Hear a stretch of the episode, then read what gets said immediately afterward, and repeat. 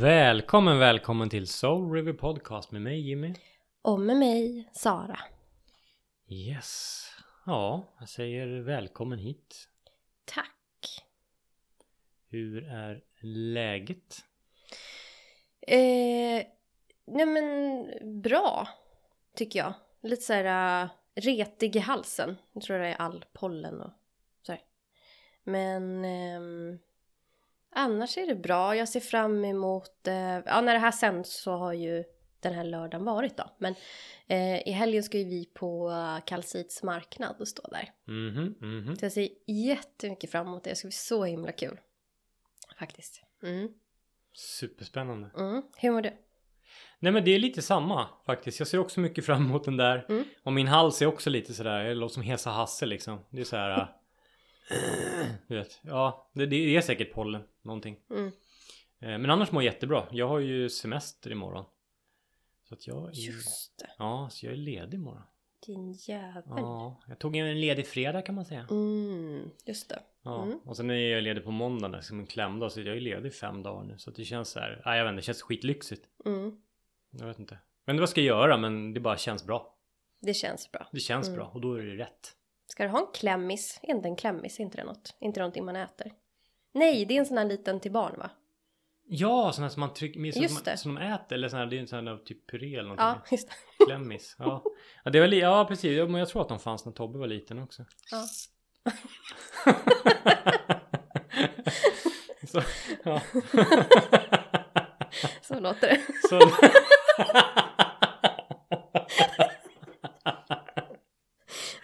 Har missat. ja. Ja. Det var en inledning på din. Seriöst. Seriöst. Ja, ja, ja. Det var länge sedan vi skrattade så här så det, vi bjuder på det. Ja, eh, jag lyssnade på ett gammalt avsnitt från förra året häromdagen när jag stod och lagade middag för jag bara så här, tyckte det var lite roligt. Och alltså jag sitter ju och garvar i hela inledningen kan inte sluta skratta och du sitter bara och försöker hålla ihop dig. Jag kan inte kolla på dig för att du, eller du kan inte kolla på mig för att då börjar du garva. Ja, så det är det det. enda, men vi klippte ju inte bort det för vi tyckte det var lite kul. Ja. Och vi fick så mycket så här positiv feedback på det. Att folk tyckte, folk satt och skrattade med för att vi satt och skrattade typ. Och det smittar ju av Ja, men det är underbart. Ja, jag älskar det. Skratt är läkande. Ja. Mm. Ja, idag ska vi prata om din resa. Ja, precis. Eh, det, är så, alltså, det är så jäkla knepigt, tycker jag. Och så här... Eh, ja, men, ja, men jag tänker vi gör som vi gjorde med dig. Vi kör en tidslinje. Mm. Eh, och eh, jag föddes ju 19 juli 1987 på Sara-dagen. Men det är inte därför jag heter Sara, för jag skulle fötts dagen innan. Eh, I Södertälje. Och eh, som sagt var, då är jag ju kräfta. Känslig kräfta. Och jag är ju manifester i human design. För de som tycker att det är roligt. Det vill säga jag ska starta upp saker. Eh, och eh, alltså jag kommer inte ihåg så här supermycket från när jag var så här liten. Eh, jag har så här fragment liksom. Så här korta minnen. Men om man kollar på alla bilder på mig när jag var liten. Eh, så ser jag jävligt sur ut. Alltså jag ser så här sammanbiten ut. Eh, och jag vet liksom inte, jag tror att det har lite det här med att göra med att ingen ska tala om för mig att jag ska sitta still och alltså någon ska ta kort på mig och sådär. Um, men jag um, har ju förstått att, jag tänker att här kanske du i och för sig vet lite mer om hur jag var när jag var liten för jag, Ja, det var ju det där med mitt minne också. Men, men alltså jag kommer ju bara ihåg. Eh, alltså du, du sprang runt med ditt lockiga hår och liksom invaderade mitt rum. Och lyssnade på Michael Jackson och dansade typ. Alltså det är ju typ det jag kommer ihåg. det är liksom. Ja men. Jag minns ju inte dig som någon sur unge liksom. Alltså alla bilderna visar att du ser sur ut. Men, Mm. men jag kommer ju bara ihåg att du och jag hade en så fin relation liksom. Mm. Du vet så här, vi typ satt i Jag har ett minne som är jättestarkt och det är när vi fastnade i Bovallen här i Tumba. Pappa skulle hämta grejer, vi satt i hans skeva. Det typ spöregnade, vi satt i framsätet. Bredvid varandra. Jag kommer ihåg att vi sa det, vad mysigt det är. Och du bara ja. Det och så bara smattrade det på rutan så här. Det kommer jag fortfarande ihåg. Jag tyckte det var så himla mysigt liksom, att sitta där med dig i bilen, titta ut, pappa sprang in, du vet, hämta grejer och Mm. så här, regnet bara smattrade så här. Ja. Men, men så att, du menar, du kom ju in i mitt rum, du hälsade på när jag hade kompisar. Hade ofta den där mössan som du drog ner liksom över huvudet. Och så bara snurrade du. Och så var det Michael Jackson, du vet. Jag kommer ihåg det, jag satte på Michael Jackson med LP-skivor var det då. Ja. Ja, liksom. Och så bara stod du, du bara snurrade runt så här. Det var en så här, jag tror att det var en tigerhatt eller så här lite Ja. mormor hade. Ja. Som du bara drog ner över hela huvudet så bara stod och snurrade och alla mina kompisar tyckte du var så gullig liksom. Ehm, det är liksom, och så kom du in till mig ibland och sådär. Alltså, det är ju typ de minnen jag har. Mm. Sådana där liksom glim, glimtar faktiskt. Mm. Så att, ehm, Nej men jag tror inte heller, alltså det här med att jag såg sur ut. Det tror jag bara har att göra med att jag, som sagt var, jag vill inte bli tillsagd. Alltså så här, men sätt dig där nu bredvid Jimmy och, och Veronica så ska vi ta ett kort. Det var så här, nej. Alltså jag tror att det är mycket det, alltså det är därför jag ser sur ut. För jag har en passbild också från när jag var kanske fyra, när jag ser skitsur ut. Alltså så här, alltså att det verkade ju bara vara min grej. Men däremot så alltså vet jag att eh, det har liksom funnits någon så här frustration inom mig, alltså även som barn. Och så här, återigen, det här har ingenting med liksom uppväxten att göra eller någonting med familjen att göra. Det här är liksom, det känns som något utifrån, alltså på något vis. Eh, för jag, jag gick ju runt mycket och stampade. Alltså jag gick så här hötsigt liksom och jag vet någon video typ när jag går fram och tillbaka hallen. Jag har knutit en eh, sjal runt mitt huvud och jag vet inte om jag är fyra kanske, någonting sånt där. Går fram och tillbaka, skitsur. Och sen helt plötsligt går jag in i köket och biter mamma i benet. alltså, det- är liksom så här, va? Det var så här mycket sådana här konstiga grejer. Eh, och jag vet liksom, alltså, ja, men när jag var där kanske 10, 11, 12 liksom att eh, jag höll på mycket och pysslade själv liksom. Jag gillade att stänga in mig i rummet och sen så lyssnade jag på Elvis Presley eh, och, och eh, liksom kunde sitta och titta ut genom fönstret och bara så att du vet drömma mig bort liksom. Alltså som vi gör nu. Alltså jag levde i en annan värld så. Eh, eh, och väldigt så här, hade mycket så här, det, det skulle vara på ett visst sätt. Jag var väldigt fyrkantig liksom. Och sen älskade jag ju att ta hand om våran familjens hund. Så här, ta hand om honom liksom. Eh, men och sen, jag minns också att för våran syrra är ju 14 år äldre än mig, så hon flyttade ju hemifrån. Det var ju du och jag kvar. Eh, och som vi tog i ditt avsnitt, liksom, du var ju inte jättehappy-clappy som tonåring. Liksom. Så att jag hade ju inte så mycket att hämta där. Eh, men sen flyttade ju du hemifrån, ja, hur gammal var du då? mm, jag skulle fylla 20 tror jag. Ja, och så tar vi bort sju år liksom. Mm. Eh, så jag var 13 då. Eh, och sen var det ju bara jag hemma liksom. Eh, och det tror det var någon så här början på att du vet, det var jävligt ensamt liksom. Och eftersom jag var redan så här, ja men jag tyckte om att vara för mig själv så blev det ju ännu, alltså jag isolerade mig själv lite liksom. För jag minns det så här mycket så här, Ehm, ja men alla andra hängde liksom mycket med sina kompisar men jag, jag kunde ju bara leka en och en liksom och sådär. Och sen så hängde jag med mig själv och liksom var ute och gick med vår hund Zack och åkte med till landet och då åkte jag liksom, tog min moppe du vet ner till bryggan och så satt jag där själv och typ så här tittade. Men det var mycket så här vara själv liksom. Eh, och jag frågade faktiskt min bästa kompis för hon bodde ju granne med oss. Eh, så frågade jag så här, för vi lärde känna varandra när vi var nio. Och då frågade jag henne så här, men hur, hur kommer du ihåg mig liksom? Eh, och hon bara, nej men alltså, eh, jag kommer ihåg, du var liksom, du var så uppstruckad och så här och, och vi, vi lekte så mycket och vi var ofta inne hos dig liksom och vi drack te och hon bara, ditt te var alltid så mycket godare än mitt och ja, men det var liksom så här. Men så sa hon det att hon bara det första liksom stora minnet jag har av när det blev traumatiskt. Det var när din första kille gjorde slut med dig. Eh, och det var ju liksom min första riktiga kärlek, alltså sådär. Eh, och jag kommer ju ihåg den dagen när han gjorde slut med mig. Det var ju också en sån här, han bara, jag var hemma hos honom, han bodde i Vaxholm vilket var väldigt långt ifrån Salem där vi bodde liksom, så här, typ två timmar. Och han bara så här helt plötsligt, vi skulle kolla på Eurovision kommer jag ihåg, så säger han bara så här, nej, vi, och då var jag väl 17 tror jag, eller någonting sånt där, 16, 17. Nej, vi ska inte vara ihop längre. Va? Du vet, alltså hela min värld rasar ju. Och då körde ju han den här och du vet jag bara så här, vet, jag vill ju veta varför. Vad är det som har hänt, varför? Och då vill inte han prata med mig.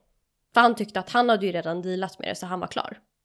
Så han började hålla på med sin dator, du vet, alltså hela den där grejen som jag har så svårt för, bli ignorerad. Och jag var helt, jag låg på golvet och bara grät och typ drog i hans byxben och bara ah, lämna mitt. Alltså jag var helt förstörd.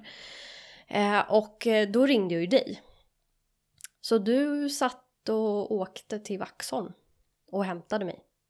För han var såhär, nej men du, jag bara kan inte jag få vara kvar men han tyckte inte det. Så du eh, hämtade ju mig och körde hem mig. Och det var ju så här, wow. Alltså, för jag var helt knäckt. Eh, och det sen då så kom jag ihåg efter att jag pratade med honom i telefon när min kompis då var med mig i och vi stod i köket. Och han berättade att han hade, alltså att han gjorde slut för att han hade träffat någon annan liksom. Och hon sa det, hon bara alltså se dig få det telefonsamtalet och du bara rasa ihop på golvet i köket liksom. Hon bara, och man kände bara så här, fy fan liksom. Och jag bara, när hon sa det, jag bara men gud jag har liksom glömt det här. Jag bara shit vad det tog, alltså på mig liksom.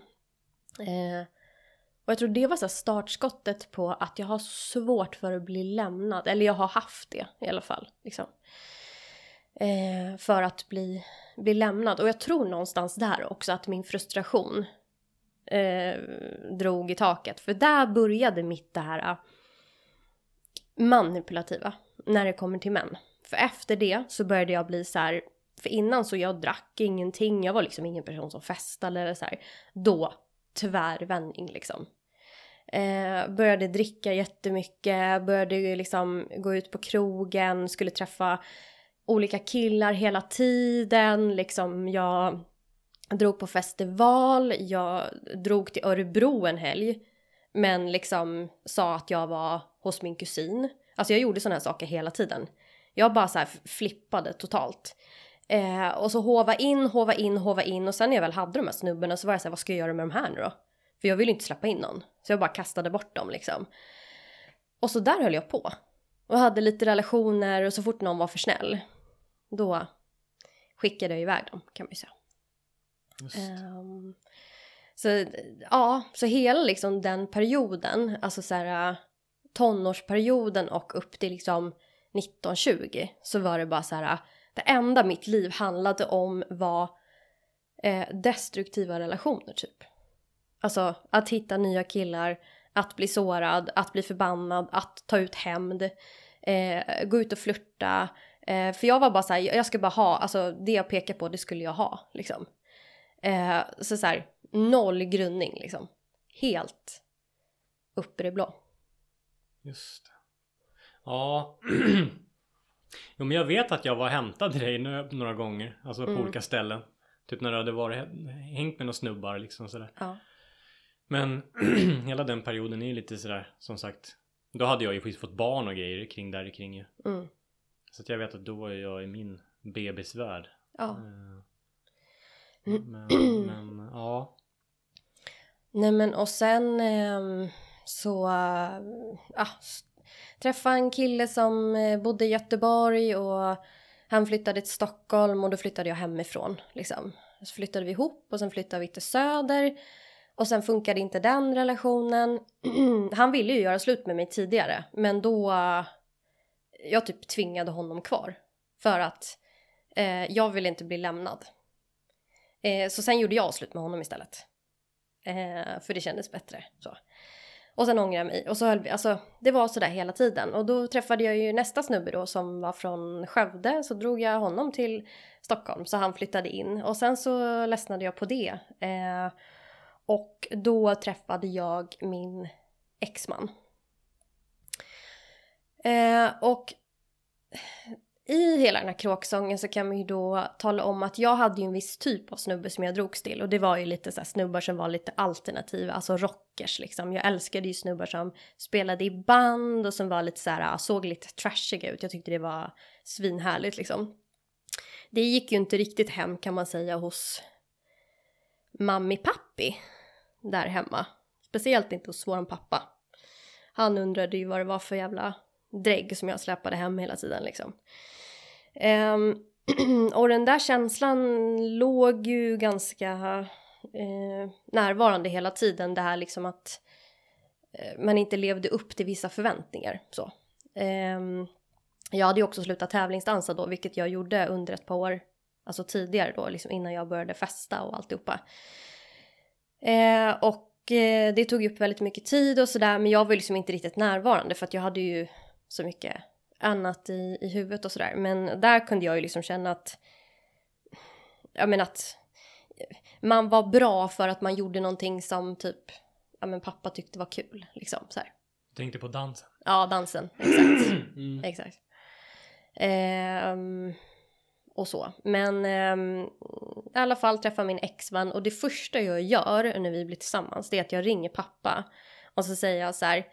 Nu pappa, har jag träffat en kille som du kommer gilla. Och i efterhand så känner jag så här, fy fan vad skevt. Alltså det var verkligen så här, jag bara nu, den här snubben kommer han tycka om för att det är ingen rockersnubbe, det här är en snubbe som han är vältränad, han är solbränd, han är halvitalienare, han ser skitbra ut, han klättrar, han har körkort, han har bil, ja men du vet, jag bara så här, han prickar in varenda checklist liksom. Eh, och jag var ju liksom tokkär så, men det är bara så sjukt att det är det jag känner såhär yes, nu kommer han bli nöjd liksom. Just det, en mm. godkänd eh, partner liksom. Ja. Ja. Och det blev han ju. Ja. Alltså 100 procent. Vilket ju då gjorde att, och vi var ju tillsammans i åtta år och vi var gifta i fyra av dem. Um, och när det då började knaka i fogarna så kände jag ju dels så att eh, jag har inte råd att skilja mig. Eh, vad händer med, vi hade flyttat till hus, liksom så här, vad händer då? Vem är jag utan honom? Alltså vad har jag att stå på? Jag var ju helt vilse liksom. Eh, och eh, det tog ju emot att berätta det här för alltså, föräldrarna såklart.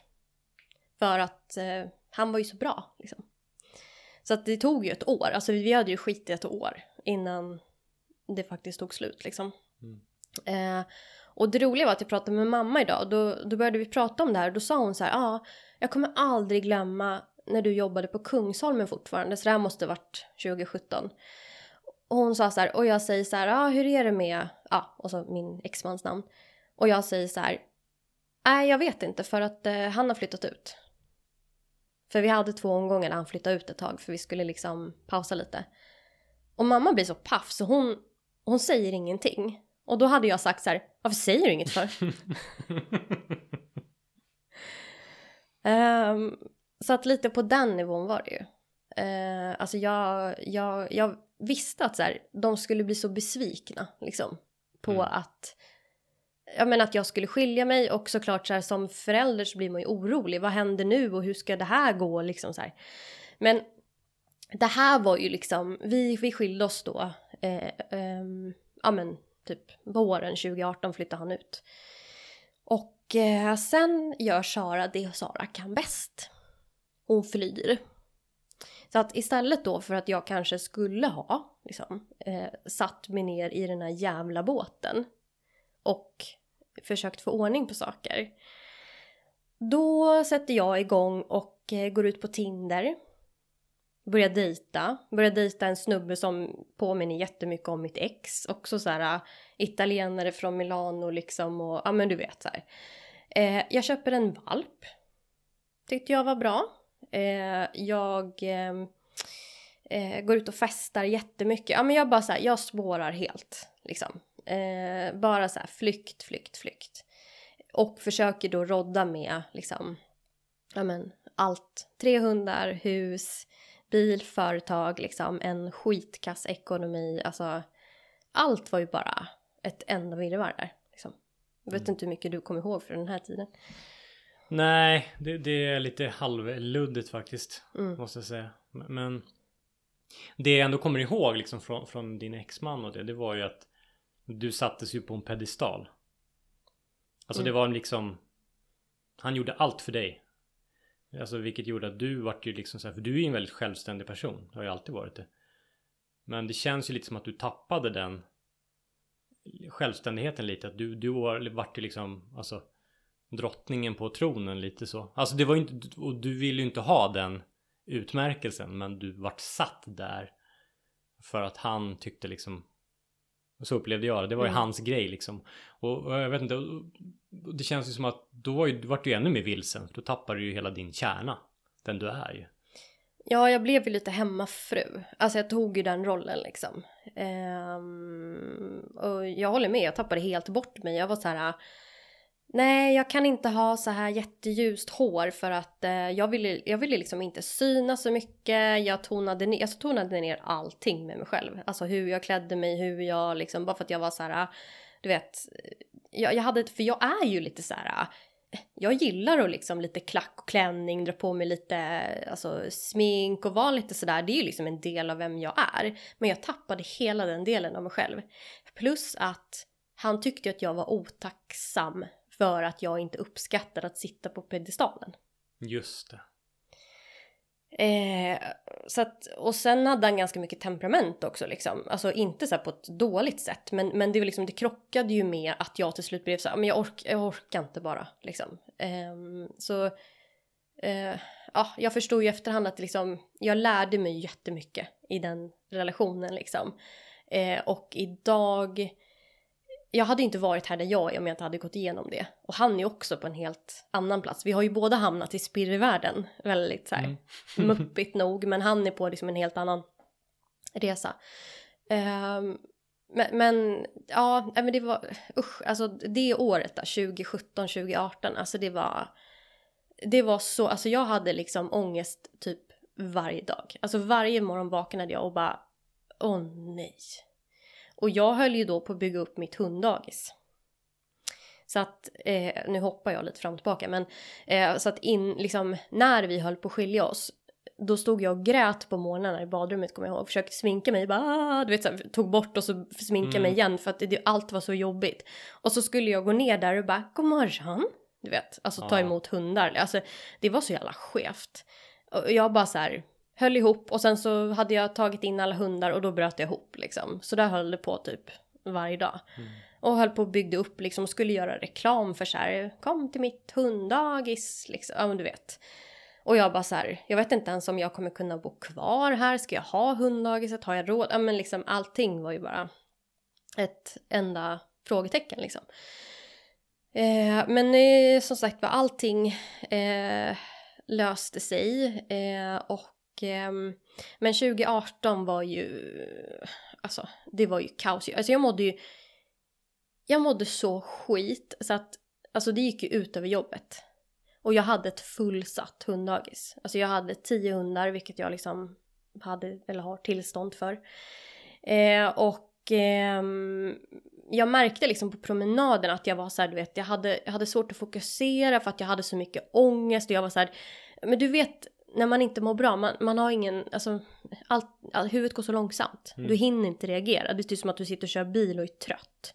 Och då hantera liksom 10-11 hundar, alltså det går inte riktigt ihop.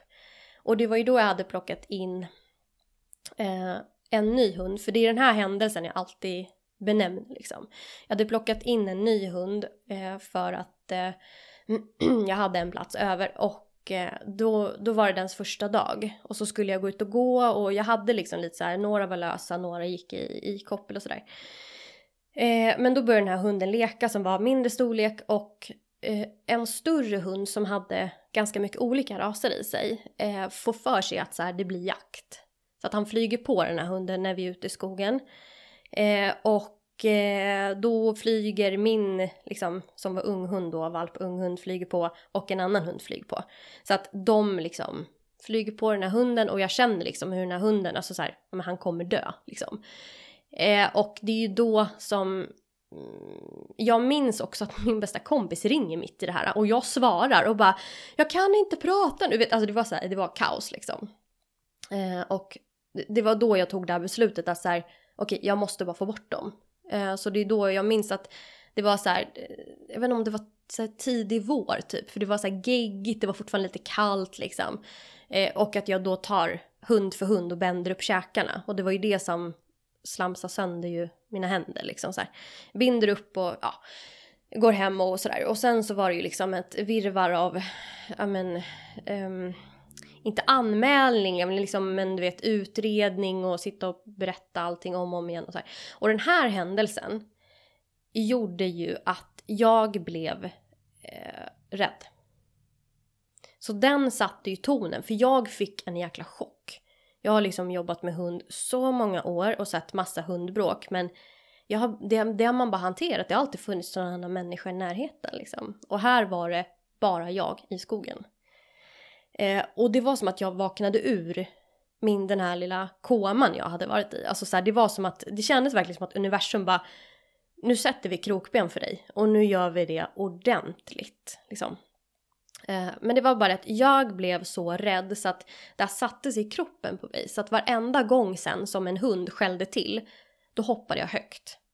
Och så fort typ en hund gick fram till en annan hund, då fick jag panik och började gråta. Och det här höll ju på, alltså jag vet inte hur länge. Jag hade sån ångest och sån panik. Jag sa upp massa hundar och liksom det påverkar ju ekonomin såklart. Eh, jag vågade inte sätta hundar i samma box. Jag vågade inte gå med flera hundar samtidigt. Alltså du vet, jag satte mig själv i en sits som var så här. Men det går liksom inte. Alltså jag var livrädd. Eh, och jag omplacerade också då den här unghunden som jag själv hade skaffat. Eh, för att han hade också blivit så lite konstig och opolitlig och liksom så här. Så att allting bara fallerade därefter. Och då var det ju sån här klassiskt, du vet. Ja men, eh, bilen gick sönder och jag hade liksom bara eh, så här, trafikförsäkring, men allt bara hände. Eh, och eh, det var då sen då som jag hittade den här Doga-utbildningen och hoppade på den och liksom försökte stuva om allting. Men det här satt ju kvar liksom, alltså hela tiden. Eh, så det har liksom bara varit så här, hela 2018 var bara utmaning efter utmaning och jag kommer ihåg att jag skulle åka ut till våra föräldrar på jul så blev jag påkörd liksom. Um, ja, så det var ett jävla skitår. Shit alltså. Men det, det, är ändå så här, alltså det är helt beundransvärt att du har jobbat med hundar i så många år efter. Mm. Med den här konstanta liksom rädslan ändå. Det är ju alltså, jag fattar inte ens att du har pallat. Nej, alltså jag vet inte heller. Eh, och sitta då, för det är ju också det som gör saken värre, det är att jag bor ju verkligen ute i skogen. Och sitta själv ute i skogen, liksom. Med de här känslorna, alltså det är rätt tufft. Och bara känna så här, nej, imorgon öppnar dagis igen. Och jag är så rädd, för förut då har det varit så här, ja men du vet, mina kunder mästar mig så här, ja ah, vi är på väg och så går jag ner och så kanske jag har fem hundar nere vid grinden.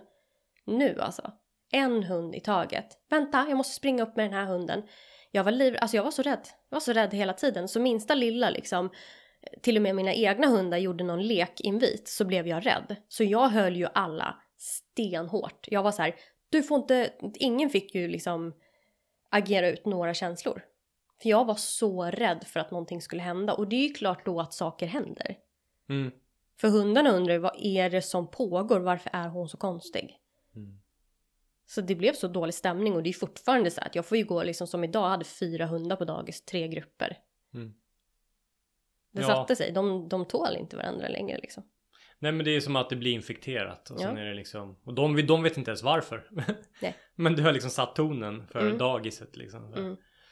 Men det är ju ändå så här Jag tänker om man går tillbaka till när du var på Kungsholmen Alltså när du mm. rastade hundar innan du startade på tomten Så tänker jag återigen din styrka du liksom jag kan, jag kan än idag inte riktigt förstå hur, hur du liksom fixade det. Alltså var kommer den styrkan ifrån? Att du gick, du alltså åkte in till stan och rastade hundar på Kungsholmen, hämtade dem hemma i lägenheterna, gick ut med dem. Eh, du gick i ur och skur med feber, bara petade i det typ, vet du det, ja men typ paracetamol. Stod och käkade macka i parken eller i en port liksom. Du vet någonstans, satt i regnet och bara Dag ut och dag in, alltså vilken jävla kämpe. Mm. Ja men alltså jag är så skit, alltså jag, jag fattar inte liksom var, var, var kommer den kämparglöden ifrån? Helt sjukt egentligen. Mm. De flesta hade ju kanske så här lagt sig ner och bara äh, du vet men Jag tycker det är coolt. Mm. Ja, det, det var tuffa år alltså, speciellt när jag eh, köpte Stella också, min belgiska vallhund, för då var ju hon bara 11 veckor när jag tog med henne. Så då gick jag ju bar på henne samtidigt som jag gick med liksom 6-7 hundar i koppel. Eh, och rastade, för här, vad hade jag för val? Jag kan inte stanna hemma. Så. Nej. Nej men det är ju det, precis. Vad hade du för val? Du bara gjorde det som behövde göras. Mm. Men oavsett så är det ju ändå så här. Jag tänker om man liksom, om man tar den resan fram till hundbråket och sen Mm. fortsätter efter det hundbråket och varit rädd i sex år eller vad det blir. Mm. Liksom. Förstår du? Det, det är så här.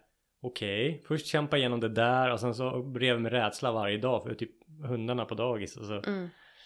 Det, det är... Ja, shit alltså. Mm. Ja men det, det har ju hela tiden också varit så här att eh, alltså antingen får jag lägga ner dagis och skaffa mig inom citationstecken ett vanligt jobb. Men det är det så här, jag kan ju inte vara anställd, alltså det passar ju inte mig. Så jag höll ju på så här, vad, vad kan jag göra istället? Eller så får jag bara sälja huset. Men vart ska jag bo då? Alltså så att jag, jag höll ju på, alltså, och det här var ju varje dag, alltså hur ska jag lösa det, hur ska jag lösa det? Så att, och just den här ekonomiska stressen, den har jag ju levt med sen, alltså sen 2018. Varje dag, och det är fortfarande, varje dag när jag vaknar tänker jag så här, hur ska jag kunna betala den där räkningen? Liksom.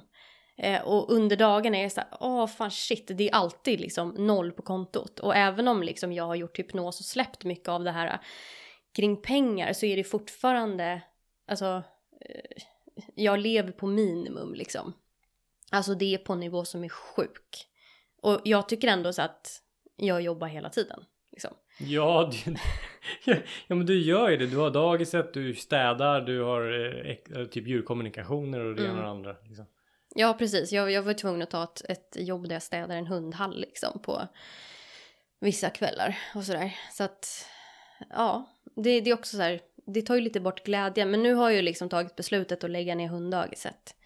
Eh, och det har jag velat flera år. Alltså så här, men någonstans tror jag att jag vill inte göra det av rädsla. Jag ville inte lägga ner hunddagiset för att jag blev rädd. Utan jag ville på något sätt så här, kanske bevisa för mig själv att men jag klarar det här liksom ändå. Jag ville lägga ner när jag känner att nu är jag klar. Så, tror jag. Mm.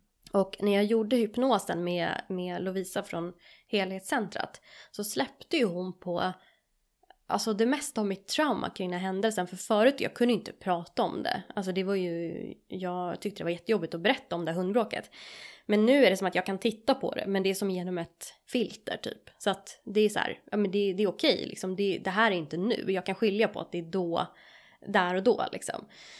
Eh, men det gjorde att jag kände, för hon sa det också så här, ja men det kan ju bli så nu liksom att du helt plötsligt bara tar in nya hundar eller så tar det en annan vändning. Och det var då jag kände, nej jag är klar. Mm. Jag är klar. Eh, och eh, det känns, alltså det känns jätteskönt. Liksom. Eh, men jag är ju sådär, jag dealar ju mycket med liksom, jag vill inte göra folk besvikna. Jag är ju väldigt medberoende så att jag har ju haft jättejobbigt att tala om för mina kunder liksom att jag ska lägga ner och då tar jag hänsyn till deras känslor och hur känner de i det här och oj oj oj och, och så här är det med mig hela tiden. Alltså jag känner ju så mycket. Alltså eh, jag känner för folk. Eh, jag känner med folk. Det är liksom så här. Ja. Ehm, och sen parallellt med det så, så har jag liksom. Eh, jag har ju en, en fungerande relation idag men den har varit väldigt stormig. Så att det tog också mycket alltså, av min energi och av min tid och det har varit liksom av och på och gjort slut och börjat om och vi har betett oss som skit mot varandra. Vi har varit helt sjuka i huvudet mot varandra liksom. Eh, så att jag har liksom levt med så mycket inre stress och ångest. Alltså på, så här, under så lång tid så att jag kan fortfarande vara så här, än idag att jag är lättskrämd, jag är på tå, alltså du vet, det är så här, det här sitter liksom. Eh, vilket gör ju också att när jag jobbar som terapeut så förstår jag ju de här människorna så väl som jag sitter och pratar med som beskriver de här känslorna och den här utmattningen. För jag har ju också varit helt slut av att liksom vara på helspänn hela tiden och eh, inte vilja göra fel, inte säga fel saker, inte att någon ska vara arg på mig, du vet allt det här. Och jag har ju aldrig varit sjukskriven eller liksom alltså, gått in i väggen så, men jag har ju varit där. Mm. Alltså, och nosat. Eh, jag minns en gång när mamma och pappa kom ut till mig och jag bara var så här, ah, jag var så förbannad, alltså jag var så frustrerad liksom. Så jag tog ett sånt där kompostgaller och bara skickade ut över tomten liksom. Och så bara gick jag in i köket och bara grät. Jag bara, alltså jag var bara så här, jag orkar inte liksom.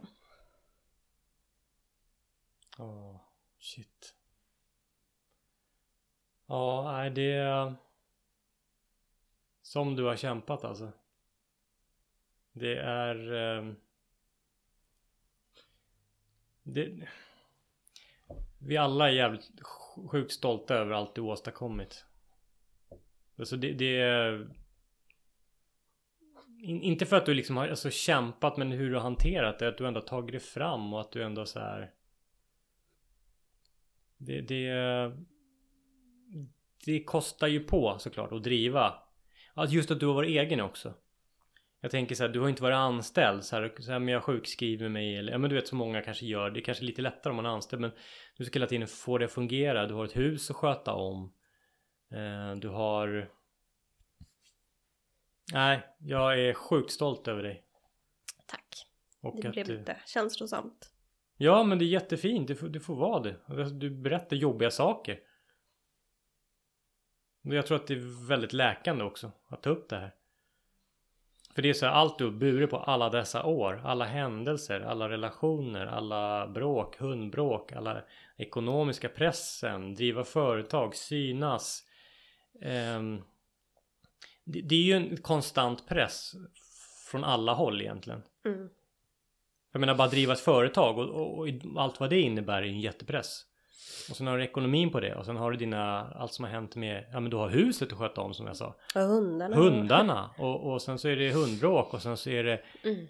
jag vill inte göra det här utan nu ska jag göra en ny plan, lägga ner hunddagis och göra hundrastning mm. igen. Mm. Så att, förstår du hur många, det, det, är liksom som du säger, som du sa till, som du brukar säga när, när vi pratar med folk, att du har fyra spår samtidigt. Ja exakt. Det är lite så det funkar här också. Ja du, du gör liksom så många saker hela tiden parallellt. Mm. Det, det, är inte så lätt att hålla ihop det. Nej, och sen tror jag någonstans också att så här, eftersom jag har flytt hela tiden. Eh, det har ju varit min taktik. Så här, nej, men jag har inte tid att tänka på det för att jag har inte velat stanna upp för att då är det så här, nej men då hade det inte gått liksom. Så att jag har ju bara, alltså i stort sett eh, kört på. Eh, men det jag känner är skönt nu det är ju liksom att eh, eh, jag vågar känna. För innan var jag så här, jag gillade inte att visa känslor. Eh, jag tyckte att det var jättejobbigt. Och jag vet att det var det min kompis sa också att så här, när hon såg mig bryta ihop så mycket första gången, alltså där i köket när min, mitt ex ringde och sa att han hade träffat en annan där när jag var 17. Hon bara, det var första gången jag såg dig inte hålla ihop din fasad. Hon bara, för du var alltid så här, du höll din fasad hela tiden. Liksom att så här, ja men alltid så här sammanhållen och liksom, hon bara, hon bara, du kunde liksom, du reagerade aldrig på typ, ja en släkting har dött, jaha, nej men du var alltid så här, hon bara, men då, det var första gången som jag såg att du bara raserade hela din mur liksom. Och det känner jag nu också att jag är mycket så här närmre till, alltså känslor liksom. Förut hade jag ju inte det. Så att jag hade ju en period för kanske typ två år sedan, alltså jag grät hela tiden. För det var som att all gråt som jag inte har gråtit under liksom alla år, när jag bara har varit arg, det kom ut. Så. Och nu är det lite mer balans liksom. Eh, men Ja, nej jag vet inte. Men just den här frustrationen som jag liksom har haft i mig så himla länge, alltså den har ju släppt på senaste. Jag har varit så arg och så frustrerad och det har gjort att jag liksom, jag har blivit bitter, missundsam, liksom förbannad eh, och, och just så här, i och med min skilsmässa, eh, då kunde jag ju känna mig väldigt ensam. För att mina vänner, eh, många, inte alla ska jag säga, många av dem eh, backade. För de visste inte hur de... För, för, jag var ju den som skulle hålla ihop. Jag var ju den som hade liksom ordning på mitt liv. För jag var ju först av alla mina vänner. Och gifta mig, köpa hus, göra alla de här sakerna. Och sen när mitt liv raserade, då var det ingen som visste hur de skulle hjälpa mig.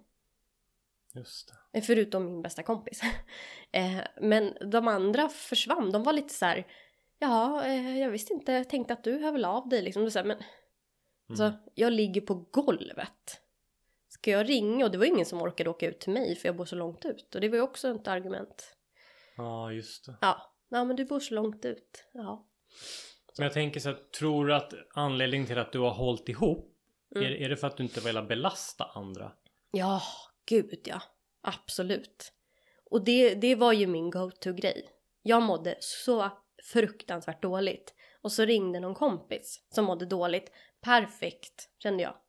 Kan jag fokusera på dina problem istället för mina egna. Just det. Och vara jättebra på att lösa deras saker.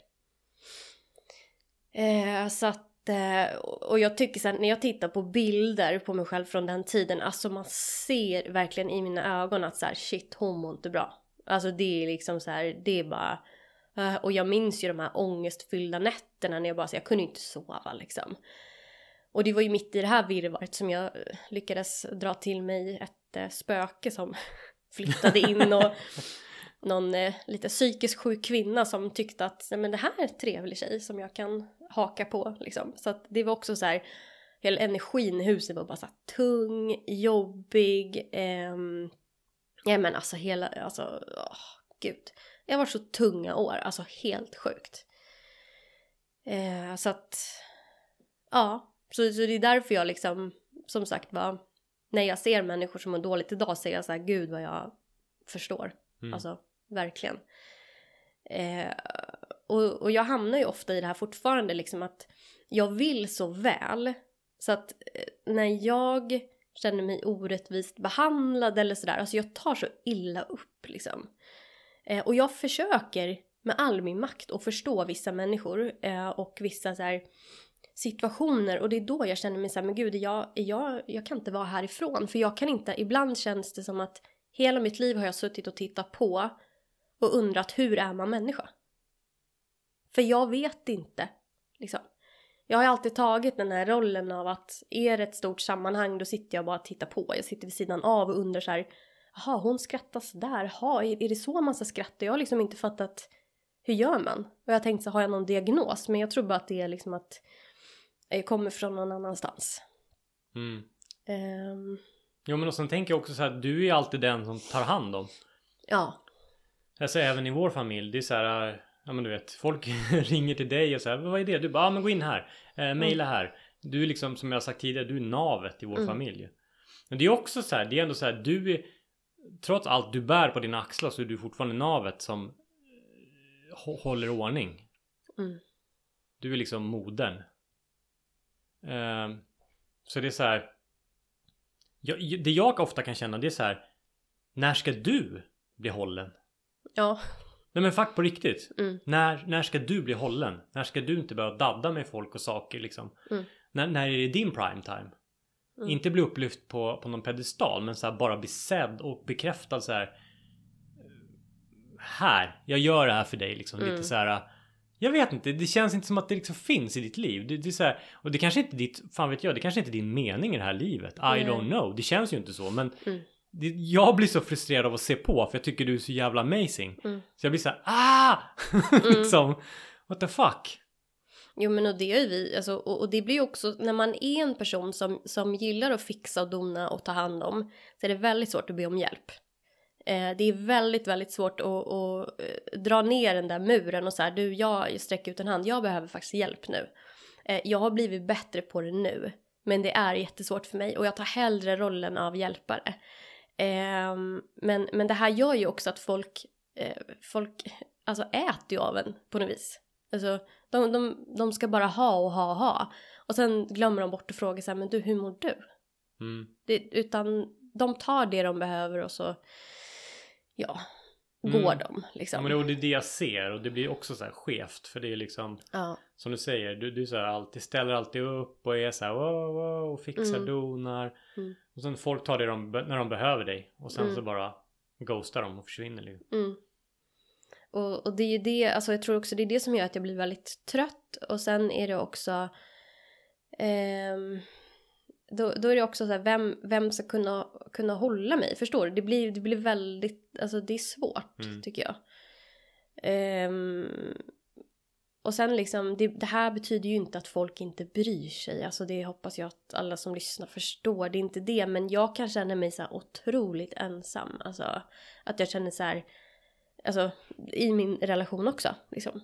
Mm. Uh, det är så här, det är tråkigt. Mm.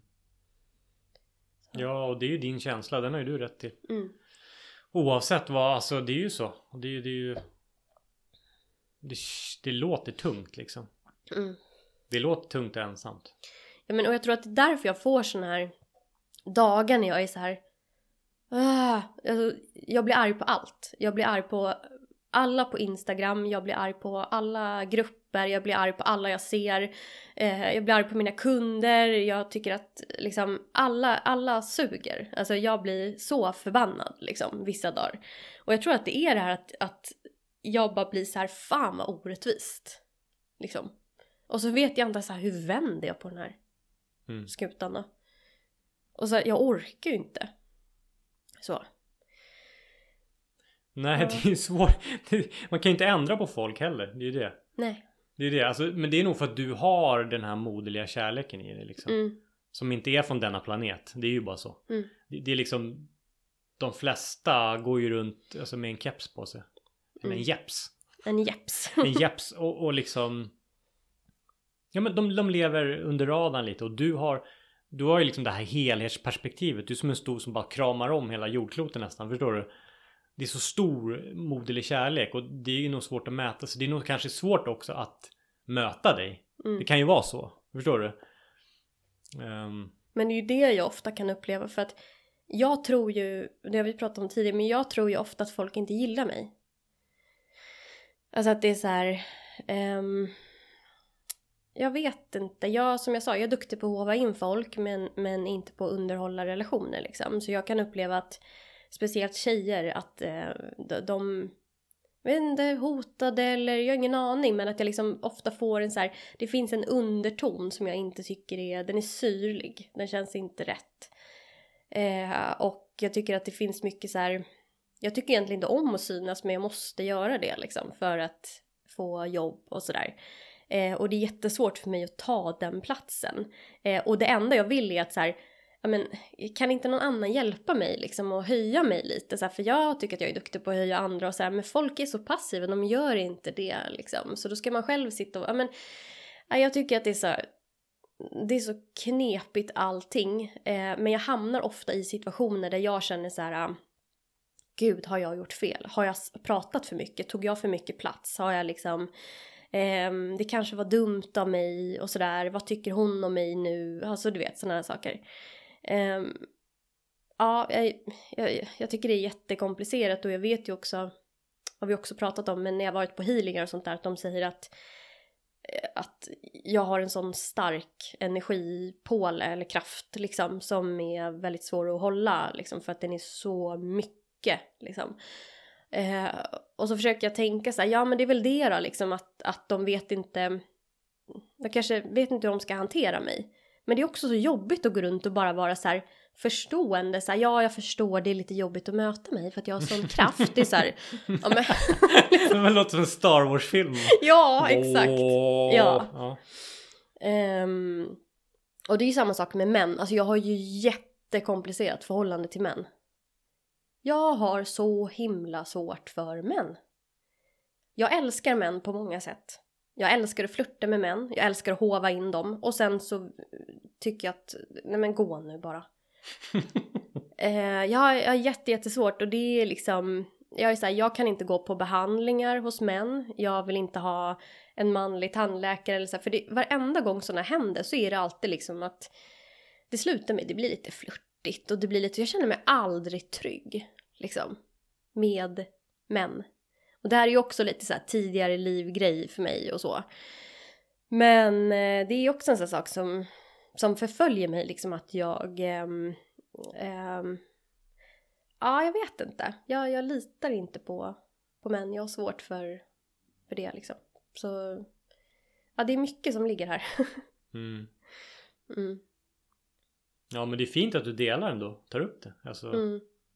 Jag tänker, du är nog inte ensam. Nej, nej men precis. Um, nej men det, och det, det är så synd också för jag förstår ju att jag går miste om mycket liksom, ja men sound healings eller vad det nu än kan vara som typ en man håller men jag kan inte gå för det är som att jag blir så här ah, ha, vad har du för baktanke då? Liksom. Mm. Och jag vet ju också, det sa ju hon när vi var på mässan som gjorde en aura reading liksom att, att jag har lite det här manipulativa in mig, i mig liksom när det kommer till män också. Att jag vet precis alltså, hur jag ska fånga in dem och liksom vara flörtig och hur jag ska se ut och allt det här. Och det är som att det bara slår på hos mig automatiskt och då blir det en sån stämning utan att det var menat. Det kan vara någon som ringer från Sambla och bara hej, vill du samla dina lån? Och jag bara men halloj! Alltså det, det är liksom så här, sen blir det så trevligt. Alltså, det är liksom som att det är det enda sättet jag vet hur jag ska interagera med män. Just det. Det är ju att vara så. Men det, kanske, det är kanske någon sån del som behöver läka. Ja, jag tror det. Så att du liksom får en mer neutral. Alltså att män kan också vara typ som vänner. Alltså förstår du? Ja. Män är inte bara, inte, låt, inte objekt men du fattar. Mm. Det blir liksom ingen jakt på det här är så här, honom ska jag ha, Mm. den. Utan det kanske blir mer så här, tjena tjena. Liksom, det blir som vem som helst. Att det liksom hittar en mer neutral nivå till Mm. det. Men jag tror att det här är också så här, för hela min uppväxt så här, så har det varit så här, ja men jag tänkte nu har jag fått en killkompis och sen kommer det fram så här, ja men jag är kär i dig. Eller att det blir någon närmanden eller så här, det har alltid varit så Mm. utan undantag. Och då bara, ha, Mm. det är liksom sjukt jävla obekväm. Alltså, det är liksom dig jag är bekväm med. Mm. Så. Det, Ja. ja. Men, eh, ja nej det. Och det är väl också lite så här anledningen till att vi än så länge inte haft en enda manlig gäst i podden. Ja. Jag letar ju bara upp kvinnor. Mm.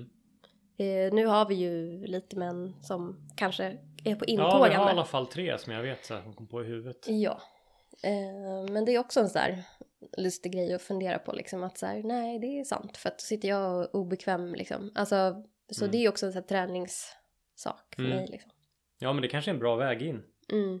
Mm. Börja med podden liksom och träffa. Ja. För då är det också mer neutral nivå. Alltså så här, då Ja. är det ju bara poddmaterial och det är en, gäst. Så att det är Mm. väldigt så här okomplicerat. Precis. Mm. Mm. Vi får börja där kanske. Ja. Men eh, ja, nej, men så att det, det är mycket som ligger och jag har gjort mycket så här emotion code och sådär också där man tar bort blockeringar och, och sådär och då, då har jag ju förstått att jag är något sorts ankare till generationer. Eh, det handlar inte så mycket om mig utan generationer. Jag håller på och läker generationstrauman och där sitter också mycket så här prestation och eh, sådana saker. Så att jag tror att jag har fått ganska mycket som inte egentligen har tillhört mig. Som jag har burit på när det kommer till att så här, prestera och leva upp till förväntningar och sådana saker. Att jag bara har tagit på mig den Mm. rollen så, utan att det kanske var mitt. Ja, men det tror jag också för jag tänker tillbaka på när du var liten. Mm, När alla tyckte att du skulle dansa och du såg ut som en liten docka ju med ditt krulliga hår där. Och alla var såhär eh, liksom dansa Sara, dansa och du skulle liksom Ja men du vet, du vart ju som en Jag vet inte Typ skådespelarunge. mm, Skulle synas överallt och kolla vad söt hon är, titta här och du vet så här. mm, Så att du har ju nästan alltid varit som en prestationsprinsessa sen du var liten. Mm. Sen kom dansen, göra pappa nöjd och så kom det där och så pojkvänner och så bära det och så. mm. Ja men det är liksom Det är konstant Det har varit en konstant Vad ska man säga jakt på att bevisa någonting sen du var liten. Ja, Och, och du har ju kommit jäkligt långt. Men, men jag upplever också att, som du säger, det håller på att hända någonting med dig. Mm. Det känns som att du har kommit upp lite på någon, du, du har gått upp för den här kullen hela tiden. Mm. Nu är du liksom uppe. Mm. Och nu håller du så här, ja men fan här kan jag bygga något du vet. Nu har du hittat, köpt mark där uppe. Mm. Det är planer du bara jag ska riva något träd, så här kan jag börja lägga ett däck så här. Mm. Det känns som att du liksom håller på att bygga grunden för något helt nytt. Du har Mm. liksom tagit upp för den här. Eh, och börjat grunda dig själv ordentligt. För det, det är, jag menar. Ja, du, du har ju en solid ground. Du, du har kämpat igenom alla relationer, allting som har varit med det. Du har börjat grunda dig själv. Du är ju bra mycket tryggare med dig själv nu. Mm. Alltså och så, eh, vad ska man säga så här. Ja men bestämd men trygg och otroligt klok. Det har du alltid varit men, men liksom. Så, jag vet inte, som, som när jag velar eller någonting. Då kan du bara så här. Du kommer med så här bra inputs verkligen. Mm. Det är så här bra och jag bara ah, tack fan bra att du fångar upp mig liksom. Du känns väldigt så här som att du got your shit together liksom. Mm. Och nu har du ju skaffat en tomtearmé med utbildningar. Ja. Det är liksom jag, jag skryter ju om dig jämt. Alltså, Ja. jag, jag säljer ju in dig överallt. Ja min syrra vet du jävla hon är djurkommunikatör och så bara rabblar jag hela listan med grejer. De bara oj! Ja hon tog ju fem, fem utbildningar på, på ett år. Bara oj! Ja är det, är det en äldre syster? Bara, nej hon är sju år yngre. Ja, Jaha. så att nej men det är ju superstolt över. Alltså du, du är fantastisk. Jag tycker det är... Ja, jag är imponerad. Tack. Otroligt imponerad alltså. Mm. Mm. Ja, nej men det känns, det känns bra att höra, alltså det du säger att jag liksom känns mer samlad och lite kraft nu. För att det var ju ett tag där jag var bara så här, eh, du vet, jag hade liksom ingen åsikt om någonting. Jag bara orkade ju inte. Jag var ju liksom, det var ju så lätt att slå på mig då för Mm. att jag var bara så här. eh, och då fick jag ju ofta höra mycket så här, "Men du som brukar vara så tuff, varför säger du inte ifrån? Du vet hela den där Mm. biten. Det var så här, men förut sa jag ju ifrån av fel anledning. Alltså så här, jag sa ju inte ifrån för, för varenda gång när jag var yngre och sa ifrån. Jag var ju sån där som kunde kasta en drink i ansiktet på någon snubbe på krogen. Den typen var jag. Men det alltså, gjorde ju också att sen gick jag hem och hade ångest i ett dygn. Mm. Så det var inte så att jag liksom gjorde det och bara så här, så, det där ska du ha. Och, och alltså ägde det. Utan jag gick hem och bara, "Ugh." alltså det, det, så har det alltid varit. Men den sidan har ju inte mina kompisar sett. Nej. De har ju bara sett den här tuffa bruden på krogen som inte tar någon skit. Men sen får jag ju liksom leva med, alltså med ångesten. Så. Och min kompis sa ju det på den tiden när jag mådde som dåligast. Hon bara, det är som att du är under vattenytan och försöker andas genom ett sugrör i papper som håller på att tina sönder. Mm. Liksom. Och så kändes mitt liv under ett par år liksom. Mm. Eh, och nu, nu sitter jag i den där jäkla båten och guppar. Ja. Det gör du. Ja. den där jäkla båten. Den där jäkla båten alltså. Och du är väldigt samblad. Samlad. ja. ja, nej men fan nu kan du ro vart du vill liksom. Ja, nej men det känns så. Så att, eh, ja. Kom ni bara. Jag, jag pluttar bort det bara när ni ska försöka jäklas med mig. Kom an, kom an pirater. na, na, na, na, na, na. Det Moderna Pippi Långstrump. Ja. Ja, nej men det var skönt att få dela lite för jag känner att jag tror att jag ofta kan uppfattas som, som lite så här... Um, eh, alltså jag har ju väldigt mycket integritet liksom och jag kan nog uppfattas som lite, inte hård tror jag, men att jag liksom håller avstånd, vilket jag ju gör. Men det är för att jag har svårt att lita på folk.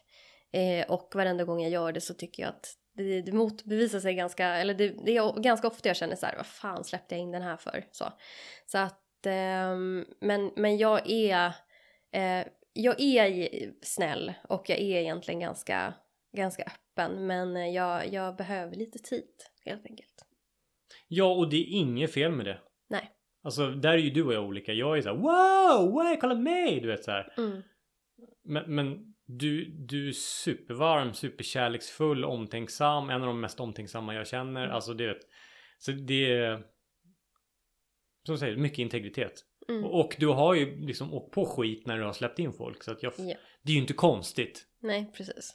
Absolut inte konstigt. Mm. Så att, eh, ja, nej. Mm, nej, så att um, som sagt var, jag som till podden, jag letar upp gäster, flörtar in dem och sen så får du ta hand om dem och så står jag lite bakom gardinen och gluttar så här, jag är där liksom men jag, jag, jag, jag tar det lite i min takt så. ja, ja men precis, men det, vi har olika roller, det är mm, så. Och, mm. och det, det är ett jäkligt bra team. Ja, jag tycker det, tycker vi är bra. Mm. mm. Ja. ja. Vad känner du? Känner du att du har fått med allting du vill ta upp och dela? Och... Ja, det är ju som sagt det är mycket man inte, man inte kan ta upp i podd. Mm. Eh, av respekt för liksom in, inblandade. Jag tänker det får nog bli en, det får bli en bok sen tror jag. Mm. Mm. Ja, den kommer ju komma, den ser jag fram emot. Ja. Definitivt. Trillar ni av stolen vet ni. Ja, trilla pinn och så. Trilla pinn och så. Nej, då, det är ju då man går bort. ja, ja, jo, jo, men det kanske de gör också. Ja. Och så jävla bra bok som ja. dog. Det här ja. dö? Ja. Det är jag som är döden. Döden. Döden. Ja. Ja, nej men eh, tack för att ni eh, lyssnar.